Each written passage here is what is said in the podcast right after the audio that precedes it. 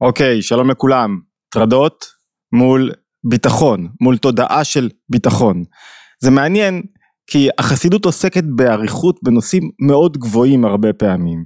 באור מאוד גבוה בחיים האנושיים ולמעלה אפילו מהחיים האנושיים. אבל בה בעת היא עוסקת באריכות בנושא הטרדות, באיזה תודעה צריך לאמץ כדי להתמודד עם זמנים של משבר, עם טרדות, עם חוסר ודאות, עם מצבים של קושי, מצבים שבעצם אני לא יודע מה הולך לקרות, וטרדות יכולות להיות חיצוניות ויכולות להיות פנימיות, סובייקטיביות או אובייקטיביות, זאת אומרת יכול להיות שבאמת דברים, הם, הם, העולם משתנה במהירות, דבר, הקרקע רועדת לי תחת הרגליים, ויכול להיות שזה הכל אצלי, הכל בראש שלי, הכל בתודעה, הכל בפסיכולוגיה שלי, הכל בנפש שלי, הכל ברגשות שלי, הכל במקום שבו אני מונח, או יותר נכון במקום שבו אני לא מונח. ותודעה של ביטחון היא בדיוק התודעה ההפוכה לתודעה של אה, טרדות, או חרדות, או פחד, או חוסר ודאות. למה? כי ביטחון זה אני בטוח שהולך לקרות טוב. הדברים הולכים להתרחש בצורה הנכונה, להתנהל כמו שצריך. אני לא ממלא את עצמי בפחדים וטרדות, אני לא יודע מה יהיה במקרה הטוב, במקרה הרע אני פסימי לגבי מה שעתיד לקרות. אני בטוח שהדברים הולכים להתרחש בצורה הלא נכונה. ולמה כל כך חשוב לחסידות ולתורת הנפש היהודית לעסוק באריכות בטרדות, לדון בזה, לדבר על זה, ויותר מזה, להציע חלופה, להציע את התודעה הנכונה שדרכה מתמודדים עם טרדות בנפש. והתשובה היא, יש כמה תשובות אני מניח, אחת כי חסידים כמו כל בני האדם סבלו באופן סובייקטיבי או אובייקטיבי מטרדות בעולם. תחשבו על לפני 300 שנה, רוסיה הלבנה, יהודים חסרי זכויות, מתמודדים מול אה, שלטון שלעיתים עוין, לעיתים רק מוצא ביהודים אפשרות לניצול. תחשבו על הקושי הכלכלי, תחשבו על הקושי אפילו של מזג אוויר, וגם בימינו, בכל זמן, בכל מקום, בכל עת, לאדם יש סיבות לפחד ממה עתיד להיות. לכל, בכל זמן יש קרקע רועדת, שינויים כאלה ואחרים במצב הכלכלי, במצב הביטחוני, במצב החברתי, יש טרדות לכל אדם, בין אם טרדות אישיות, בין אם טרדות כלליות, הטרדות הן חלק מהחיים, צריך לעסוק בהן. נקודה שנייה, אני חושב שטרדות משפיעות על ההתנהלות של קהילה, משפחה ושל האישיות עצמה. כשאדם מוטרד הוא מתפקד בדרך כלל פחות טוב. כשאדם מוטרד הוא שקוע, קשה לו לראות הזדמנויות, קשה לו לראות פוטנציאל, הוא חסר מנוחת הנפש. שלא לדבר, במקרים היותר קשים, הטרדות הם המקור הנורא ביותר, אחד המקורות הקשים למחלות. היעדר בריאות הנפש מובילה לנזק, ההיעדר מוביל לנזק או להיעדר בריאות הגוף. באופן ישיר, יש קשר ישיר בין הנפש לגוף, מי שאיתנו מספיק זמן מבין את הקשר הזה היטב ואת האופן שבו הנפש משפיעה על הגוף. ואולי הנקודה השלישית, והיא העיקר, שבגללה אני חושב שתורת הנפש היהודית והחסידות עוסקת באריכות בנושא הטרדות מול הביטחון, כי הטרדות הן מבחן לקיומו של הבורא בתודעת האדם. זאת אומרת, אם יש טרדות, אם משהו לא הולך לי כמו שצריך, אז איפה הבורא פה?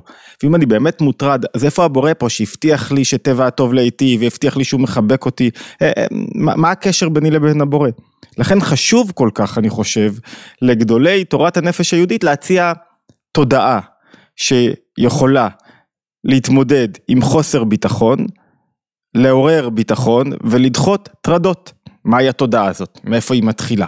עסקנו לא מעט בכמה וכמה שיעורים בנושא ביטחון מצד אחד וטרדות מצד שני. אני רוצה דרך פרשת השבוע, פרשת נוח, שהנקודה המרכזית שבה זה התמודדות עם טרדות על פי אדמו"ר הזקן. הנקודה, הלב הפועם שלה, זה ההתמודדות עם, עם חוסר ביטחון, חוסר ודאות, עם טרדות שמציפות אותי, עם שאני לא רואה מרוב שאני מוצף בחששות, בחרדות, במה יהיה. דיברנו על זה פעם, על אחד הוורטים המרכזיים, אפילו כתבתי עליו ספר, על איך שאדמו"ר הזקן רואה את, רבי שניאור זלמן מיליאדי רואה את המבול, שהמבול כמו טרדות שמציפות את האדם. ופה בואו ננסה רגע להבין בשיחה הזאת, מהי התודעה הראשונה שאני צריך לאמץ כדי ליצור לי ביטחון בנפש. מהי התודעה הראשונה הזאת? מאיפה היא מגיעה? וכדי להבין את התודעה הזאת אני רוצה שניכנס לתוך אה, הפרשה, אבל באמצעות שיחה כמובן של הרבי מלובביץ', משנת תשמ"ו, 1986, מכמובן חודש מרחשוון.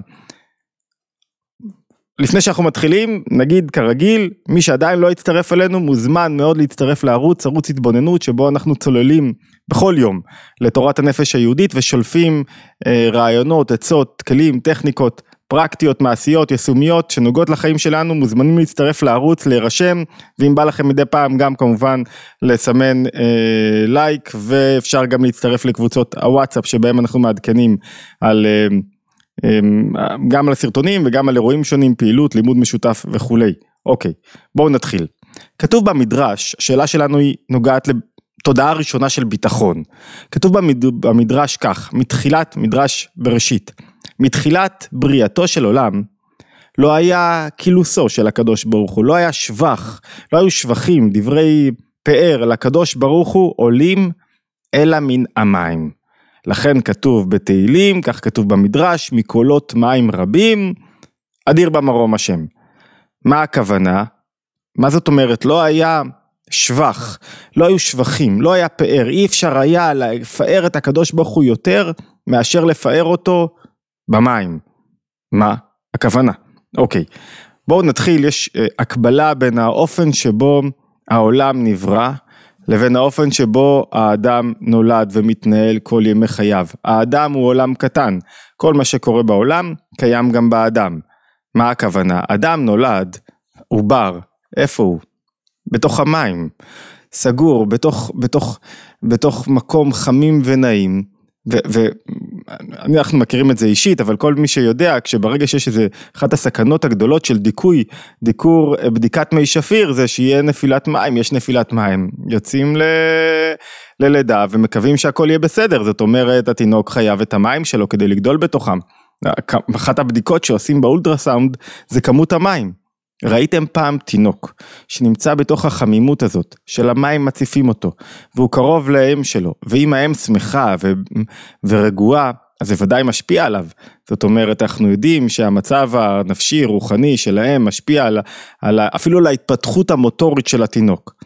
ראיתם פעם תינוק, או נראה לכם, ראיתם, אי אפשר לראות, נראה לכם שהתינוק יושב, העובר במעי אמו, יושב ואומר בואנה, חנוק לי פה, די, אני לא יכול פה, תוציאו אותי החוצה, לא יכול פה כבר, אני חנוק, מה זה, יאללה, אני חייב קצת אוויר לנשום. זה לא נשמע שזו התנועה הראשונה של תינוק, תינוק לא רוצה להגיח לעולם, הוא יוצא לעולם, רגע, מה אתם, מה, למה, לא רוצה. הוא לא אומר לי, צפוף, חנוק לי, לא נעים לי, בתוך העובר, בתוך, ה, בתוך הרחם שלהם. הוא אומר, אני רוצה להישאר כאן, כאן נעים לי. בהקבלה, העולם כולו, כתוב שכל העולם בתחילה היה כולו מים במים, העולם כולו היה מים כמו תינוק שנמצא בתוך רחם אמו. העולם היה בתוך הרחם של הבורא, והיה לו טוב, הוא לא רצה להגיח לבחוץ, והשבח, הכילוס הראשון לקדוש ברוך הוא זה הקרבה לפני הבריאה של התינוק לאמו, של העולם לבוראו. זו התודעה הראשונה, זה השבח הראשון. מעין אותה, אותו מצב בראשיתי עתיד להיות גם לעתיד לבוא. מה הכוונה לעתיד לבוא?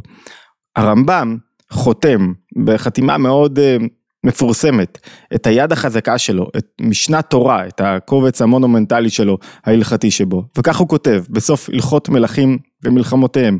הוא כותב באותו הזמן, לעתיד לבוא. לא יהיה שם לא רעב ולא מלחמה ולא קנאה ולא תחרות, שהטובה תהיה משופעת הרבה, איזה לשון יפה, וכל המעדנים מציעים כעפר, על כל מילה פה אפשר, אפשר להתעכב, אבל המטרה שלנו לנוע קדימה, ולא יהיה עסק כל העולם אלא לדעת את השם בלבד. ולפיכך, יהיו ישראל חכמים גדולים ויודעים דברים הסתומים וישיגו דעת בוראם כפי כוח האדם שנאמר בישעיה כי מלאה הארץ דעה את, המ... דעה את השם כמים לים מכסים. לעתיד לבוא העולם כולו יהיה מוצף מים. הוא יהיה מוצף מים, מזכיר קצת את המבול, אבל המים האלה הפעם יהיו לא מי מבול, אלא מי דעת.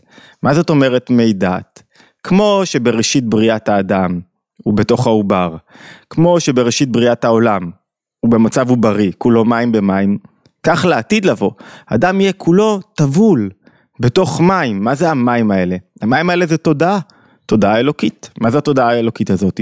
שהוא בתוך מרחב, ככה הוא, אין לו לא מלחמה, כי אין לו יצרים, כי, כי הוא לא עסוק ב... כאילו מה מגיע לי, אני קיבלתי, לא קיבלתי, הוא בתוך תודעה של שפע. בתוך תודעה של רחבות, בתוך תודעה אינסופית, בתוך תודעה שמותר לו להיות. הוא לא בקנאה, כי הוא מקבל את המקום שלו, הוא לא רוצה להיות במקום אחר. הוא לא בתחרות שלילית, אולי תחרות חיובית, לא בתחרות שלילית. מה זה תחרות שלילית? שאני, שאני חייב להשיג, לקחת את מה שיש לו, להשיג את מה שיש לו, אני במלחמה כל הזמן עם אחרים. לא, יש לי את המקום שלי, והמקום שלי הוא מפותח, ובמקום שלי אני כאילו מוקף בתוך דעה, זה נקרא דעה אלוקית, דעה של שפע, דעה של ריבוי. והדעה הזאת מכסה את האדם, כל כולו, ולכן כמים לים מכסים, זה רק כ, זה לא באמת מים, זה כמים לים מכסים. ובתוך התודעה הזאת, כשאדם נמצא לעתיד לבוא, יימצא בתוך התודעה הזאת, זה יהיה קילוסו של הבורא. אמרנו, זוכרים את הפסוק, את המדרש שאומר, מאז בריאתו של עולם לא היה קילוסו, לא היה שבח של הקדוש ברוך הוא עולה אלא מן המים. כך לעתיד לבוא. מה יהיה השבח הגדול לבורא? שכולם מצויים בתוך תודעה כזאת של שפע אינסופי וריבוי אינסופי והיעדר חרדות ואחדות אינסופית. תודעה של אחדות אינסופית היא, היא מנטרלת את הרעב ואת, ה, ואת הקנאה ואת התחרות. כי אתה יודע שהכל יש לך, אתה לא דואג משום דבר, אתה במקום שלך, אתה לא חרד לגבי מה יהיה. אוקיי, היה לנו תחילת בריאתו של אדם, סוף בריאתו, לא של אדם של העולם. איך זה נראה בהתחלה ואיך זה נראה בסוף, מה קורה באמצע. באמצע אני כן ישות עצמאית, אני כן מפחד, אני כן מלא טרדות, אני כן לא יודע מה יהיה. בסוף הלכות מקוואות אומר הרמב"ם שמי המקווה מרמזים למי הדעת הטהור. מה הכוונה? כמו שאדם על ידי טבילה במקווה, מה הוא עושה במקווה? הוא מבטל בעצם את החששות שלו, את הטרדות שלו, את הדעת העצמאית שלו, את המציאות שלו, את האני שולט, אני, אם דברים לא קורים כמו שאני רוצה, זה הולך ומתפרק לי. הוא, הוא מבטל את האני שלו, אבל לכאורה רק מבטל, כי הוא באמת נשאר אני. הוא מוריד את הראש שלו לרגע, ומתוך ההורדה שלו לראש לרגע, הוא בעצם רואים רק את המים. זאת אומרת, המי המקווה הם כמו מי הדעת, איזה מי הדעת? של העתיד לבוא. כמו התודעה הזאת, שאני בתוך עובר, שאני בתוך מצב עוברי באמת, זה רק נראה לי שאני ישות עצמאית, אבל בעצם הטבילה במקווה היא כמו השהות בעובר ברחם האם, כמו, כמו עובר שנמצא ברחם אמו, כמו לעתיד לבוא, מי הדעת שמציפים את העולם, מהדעת שבעצם כל אדם אוחז בתודעה כזאת של שפע, והיא המקור, מי שעקב אחר הסרטונים של תודעת שפע, היא המקור לתודעת שפע בעולם הזה, וכשיש לו את התודעה הזאת, בתוך המציאות עצמה, עם מה הוא יכול להתגבר. עכשיו אפשר להבין את המבול. המבול, על פי אדמו"ר הזקן, זה ביטוי למבול שכל אחד מאיתנו חווה. זה היה מבול קודם, אבל הוא נועד לספר לנו משהו על מה שכל אחד מאיתנו חווה. מה אנחנו חווים? טרדות. איזה טרדות? כל הסוגים, אבל לא מעט טרדות פרנסה. זאת אומרת, טרדות הפרנסה מציפות את האדם. וכשהטרדות מציפות את האדם, זה כאילו משהו מכסה אותו. הוא בעצם מבטל את המציאות שלו. אני לא אצליח להתמודד, אני לא אצליח לשלוט. אם הוא מצליח לאמץ את התודעה העוברית הזאתי. מה התודעה העוברית הזאתי? של מלאה את הארץ דעה את השם כמים לים מכסים. מה זאת אומרת? שההטרדות לא באו לשחט, לא באו לעשות נזק, שלא באו להשפיל אותי, אלא אני באמת בתוך מצב אלוקי, זה לא אני. אני בתוך מצב של שפע. אני יודע שיש לי משימה אחת קרובה לעשות, ועוד משימה אחת קרובה לעשות, ועוד משימה אחת קרובה לעשות. אבל אני לא יכול לחשוב עכשיו במציאות של יואו איך הדברים יסתדרו ומה יהיה ולמלא את עצמי בחרדות, זה יגרום לי בדיוק ההפך, זה בדיוק אני מוציא את עצמי מבי הדעת. זאת אומרת, ככל שהאדם בתוך הטרדה רואה את עצמו פחות כמציאות מנותקת, פחות כמציאות שעומדת בפני עצמו, פחות שם את עצמו ואת החשש שלו ואת הפחדים שלו בתוך המרכז, אז הוא כמו בטבילה, כמו בכל התמודדות. רואה את עצמו מחובר באמת לתודעה אלוקית, אינסופית, שמהווה אותו בכל רגע. ועם התודעה הזאת, הטרדות כמעט לא תופסות מקום. עכשיו נכון שזה קשה, אבל מה זאת אומרת? כמו בכל אימון, אתה לוקח חייל, אתה מאמן אותו, כדי שברגע האמת, ברגע הקרב, הוא ידע לעשות את הפעולה הנדרשת. ודאי שרגע הקרב קשה, אבל מאמנים אותו תודעתית למקום הזה שבו הוא בתוך תודעה של שפע אינסופית, שבו הוא ברחם אמו, חמים לו ונעים לו ו, ו, והקילוס הגדול ביותר, השבח הגדול ביותר לקדוש ברוך הוא, שאפשר להעניק לו, זה כשאדם בתוך הטרדות, הוא מוצף, הן מציפות אותו, המבול. אני מחזיר אתכם לשיחה שעשינו לפני שנה או שנתיים, אני חושב, על ההגבלה המדויקת בין המבול לבין אה, הפרנסה, נשים לינק לשיחה למטה. המבול מציף אותו, הוא מלא טרדות. ואז אם הוא מצליח רגע לגבש לעצמו את התודעה העוברית הזאת, להרגיש רגע, לנתק את האני ומה יחשבו עליי ומה יהיה איתי ואיך רואים אותי ואיך אני אסתדר ואיך אני אשלם ואיך אני אתן, הוא מצליח להיחלץ מכל הרעש הזה והבלבולים האלה שעוטפים אותו והם עוטפים אותו בכוונה. כדי שהוא יוכל עכשיו לשקוע במי הדעת, אם הוא מצליח להתחבר ולשחרר ולהגיד, אני עושה את המשימה הקרובה שיש לפניי, זה מה שאני עושה, זה מה שאני צריך לעשות. אני לא עכשיו עוסק בכל העניינים של מה יהיה, ואני לא עכשיו פותר את המשמעות חיים של כולם, ובטח לא של עצמי, אני לא יודע. אני מוצא את ה... יש לי עכשיו יום ראש חודש, היום אני שמח בראש חודש. יש לי היום יום של שמחה כזאת, אני שמח בשמחה הזאת. בכל יום אני מוצא את, ה, את השמחה שלי, וזו התנועה הכי משמעותית של האדם בנפש, שהתנועה הזאת היא בעצם, היא השבח הגדול לקדוש ברוך הוא. ו, וזה כאילו...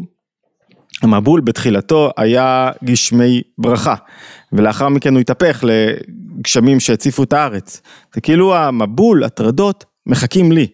אם אני מצליח לשחרר ולא להיות בתנועה אזוקה מדי, אז הם הופכים להיות לברכה, אני צומח מזה, לומד מזה, מתפתח מזה, זה חלק מעבודת הביטחון שלי, זה ראשית עבודת הביטחון שלי, זה ראשית האימות של תודעת ביטחון, ואני מזכיר שיש לנו כמה שיעורים על שלבים טכניים פרקטיים לאימוץ תודעת הביטחון. הראשון שבהם זה התודעת שחרור הזאת.